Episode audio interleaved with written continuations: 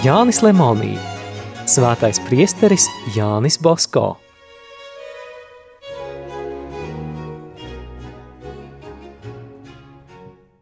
Otrās daļas astotā nodaļa 1854. gads – holēras epidēmija. Bija aprīlis. Svētdienas vakarā priesteris Bosko svētā Franciska no Sales baznīcā bērniem sacīja mācību par pāvesta Klementa izraidīšanu uz Krimu, jo viņš imperatoram Trajānam droši bija pateicis, ka baznīcas locekļu dēļ viņš nevar rīkoties pret kristīgās morāles likumiem.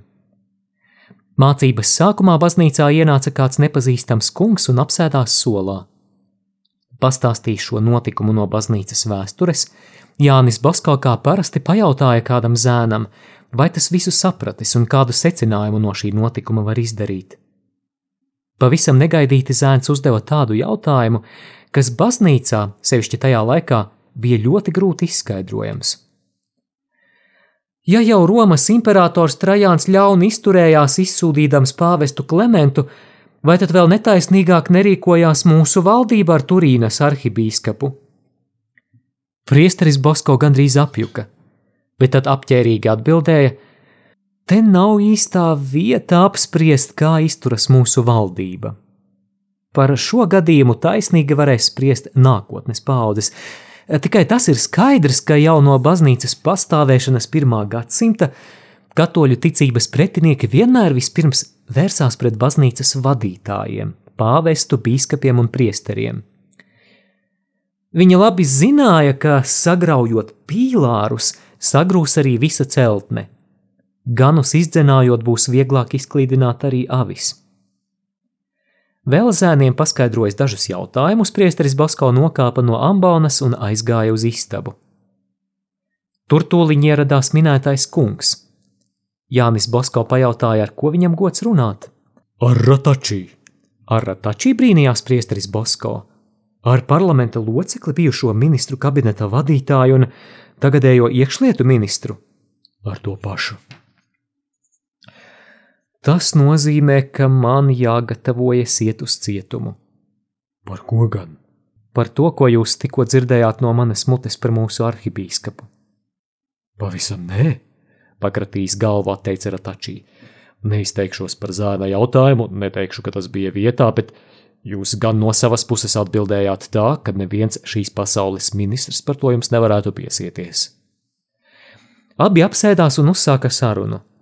Ministrs gribēja sīki uzzināt par oratorijas mērķi, tās rašanos, attīstību un toreizējo apmešanās vietu.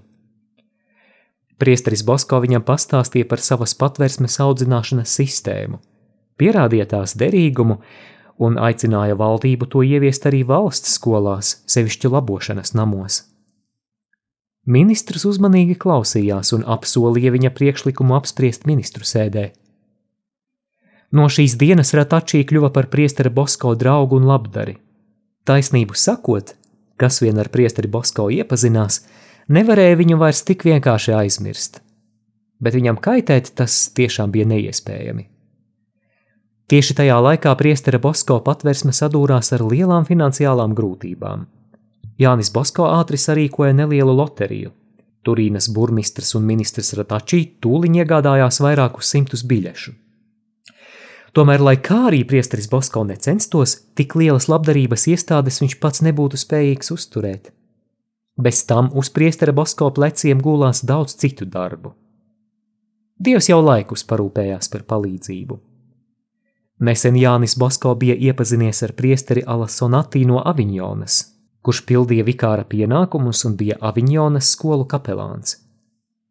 Priesteris Bosko domāja, ka Alasonatī ne tikai varētu viņam palīdzēt, bet, ja būtu vajadzīgs, pat viņu aizstāt. Neko negaidītams Bosko viņu uzaicināja atbraukt uz oratoriju. Vēstulē Jānis Bosko rakstīja tā: Te tu atradīsi daudz darba un maz atpūtas, daudz ciešanu, maz iepriecinājumu, nabadzību, upurus līdz pilnībai.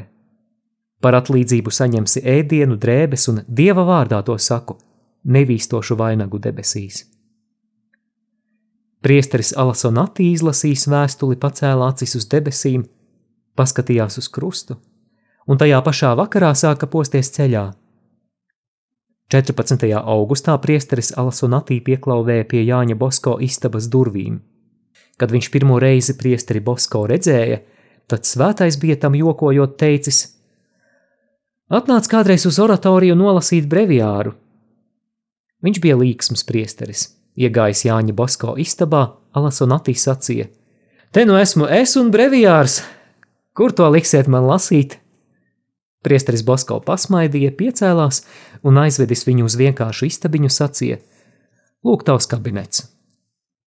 No šīs dienas priesteris Alasonatī kļuva paklausīgs darbarīgs priestera Bosko rokās. Viņš nemitīgi lūdza Jānim Bosko, lai tas viņu nežēlotu un dotu darbu, vairāk nekā viņš nevēloties un nelūdzot. Viņš esot atnācis strādāt. Darba priesterim Bosko bija ne tikai vienam viendedzīgam cilvēkam, Tajā pašā nedēļā par disciplīnu un saimniecību oratorijā sāka rūpēties priesteris Alasonatī. 15. augustā Alasonatī Valdoko priekšpilsētā sāka darboties arī kā priesteris. Viņš apmeklēja holēras slimniekus. Turīnā jau pirms pāris nedēļām bija sākusies holēras epidēmija. Šo dieva rīksti priesteris Bosko bija jau agrāk paredzējis. Vēl maijā ar bērniem runādams viņš apgalvoja, ka Turīnā būs holēra un daudzi aizies bojā. Zēnus tas ļoti izbiedēja. To redzēdams Jānis Basko viņus mierināja: Jūs nebīsties! Ja darīsiet, ko es jums sacīšu, slimība nepielips. Viss svarīgākais - dzīvojiet dieva žēlastībā, negrēkojiet. Bez tam nesājiet jaunavas Marijas medaļonu, kuru es jums visiem iedošu. Katru dienu lūdzieties, Lūdziet jums zināmo svētā Aloīza lūgšanu, sevišķi no sirds atkārtojiet vārdus: No visa ļaunā sargi mūsu kungs!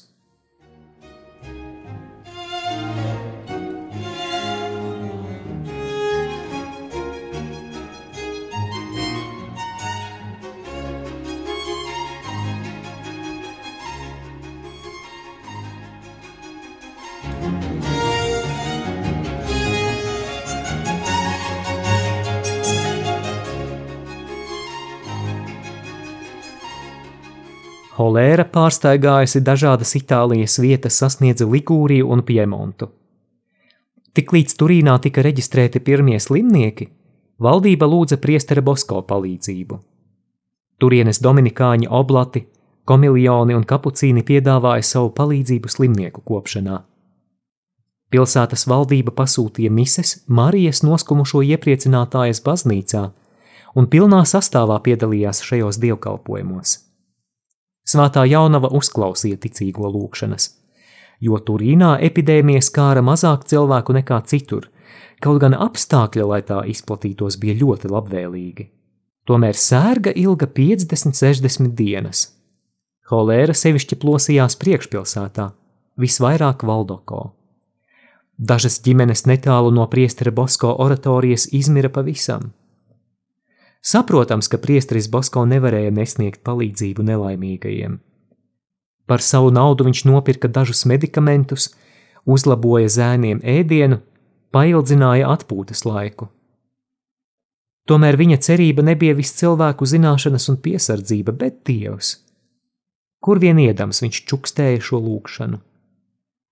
Kungs sodi, ja tas ir tavs prāts, bet apžēlo jaunās avis.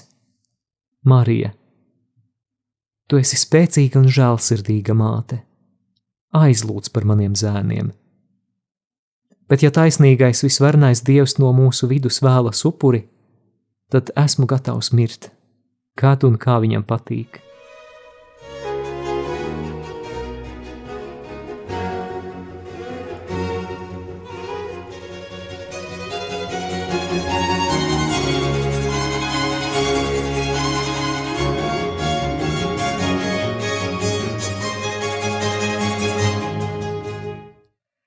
15. augustā Svētās Jaunavas Marijas svētkos Jānis Bosko sasauca kopā visus zēnus un pastāstīja, ka Turīnā jau daudzi cilvēki slimo ar holēru.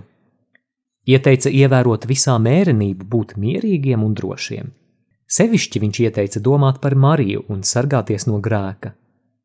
Ja viņa tā uzvedīsies, holēra oratorijā nespēršot nekāju. Bet ja viņa padomam neklausīs, tad arī te netiks audzētas dzīvības. Grūti aprakstīt, kādu iespaidu šie vārdi radīja bērnos. Visi plūda pie bikts krēsla un rītos pie dievgalda. Šajās dienās uzraudzība bija lieka. Priesteris Bosko jau no paša epidēmijas sākuma apmeklēja saslimušos. Jāņa Bosko māte, kas citreiz neļāva viņam iet draudošās briesmās, tagad teica, ka viņš, būdams priesteris, nevar neiet. Pilsētas valde ātri iekārtoja slimnīcas tiem, kam mājās nebija nekādas kopšanas.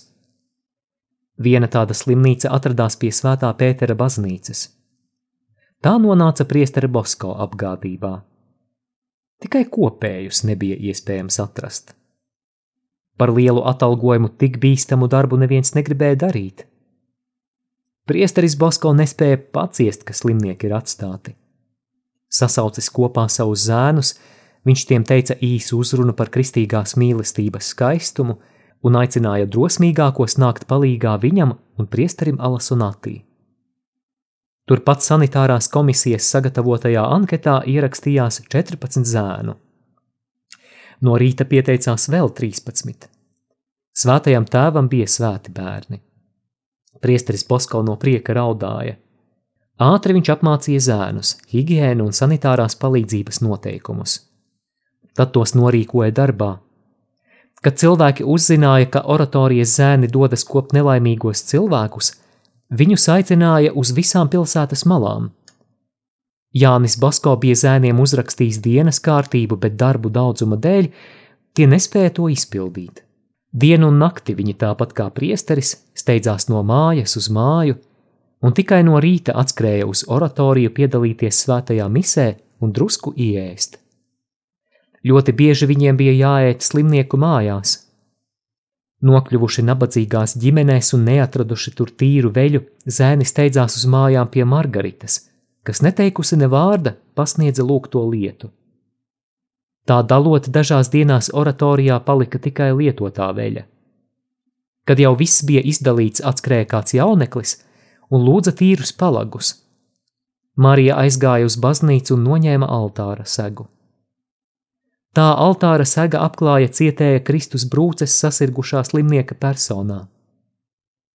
Vakaros atgriezies mājās, priesteris Bosko atveda uz oratoriju holērā mirušu vecāku bērnus. Pēc kāda laika slimība sasniedza arī Piemontas pilsētiņu. Arī uz turieni Jānis Bosko aizsūtīja dažus spēcīgākos audzēkņus.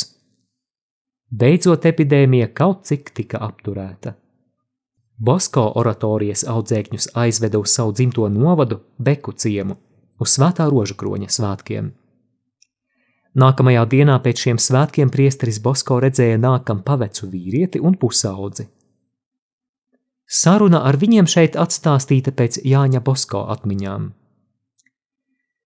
Tikko abi pienāca, zāna sejas izteiksme saistīja manu uzmanību. Kā tevi sauc, jautāju? Esmu Dominiks Savio, par kuru jums jau stāstīja priesteris Kaljēro, mans skolotājs. Atnācām abi ar tēti no Mondonio. Paaicināju viņu malā, izjautāju, kur viņš līdz šim laikam dzīvojis un ko iemācījies. Nevarēju vien beigt apbrīnot tikumu pumpurus, kurus dieva žēlastība bija ielikusi viņa nevainīgajā sirdī. Nedaudz parunājies ar zēnu, gribēju pasaukt tēvu, bet zēns piecēlās un laipni jautāja: Kā liekas, vai būšu derīgs, lai ietu jums līdzi uz Turīnu mācīties? Man liekas, ka vadmala nav vienkārša.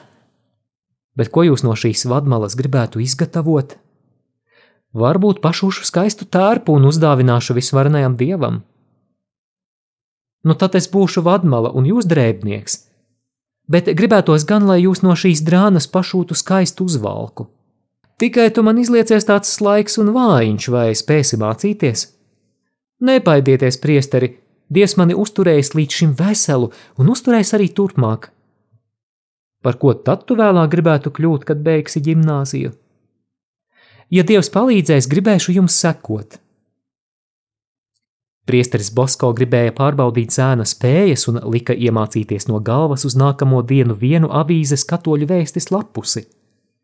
Nepagāja ne desmit minūtes, kad Dominiks atgriezās, to jau iemācījies. Jānis Bosko viņu vairs neatlaida. Dominiks aiz prieka nezināja, ko darīt. Satvēris priestere Bosko roku, viņš to vairāk kārtīgi noskūpstīja un teica: Es gribētu uzvesties tā, lai jums manis dēļ nekad nevajadzētu nopūsties. Tā arī pēc pāris dienām Dominiks kopā ar priesteri Bosko un viņa zēniem atgriezās Turīnā. Priestera Bosko istabiņā viņš ieraudzīja uz sienas uzrakstītus svēto rakstu vārdus Damihi animas cetera tolle. Dot man dvēseles, citu ņem. Zēns nesaprata, ko šie vārdi nozīmē, un pajautāja Jānim Bosko, lai viņš tos izskaidrotu. Kad Jānis Bosko runāja, zēns klausījās un kaut ko domāja. Brīdi klusējis viņš teica: Saprotu, te nav naudas, bet dvēseļu banka. Domāju, ka arī mana dvēsele te nopelnīs kādu procentu.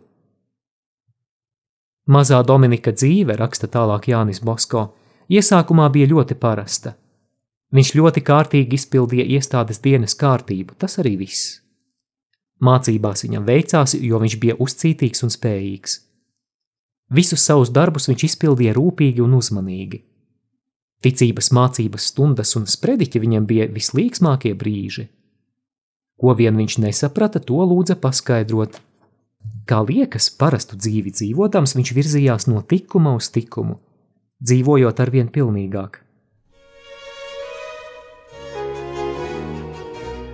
Izskanēja lasījums no Jāņa Lemonija grāmatas Svētais priesteris Jānis Bosko.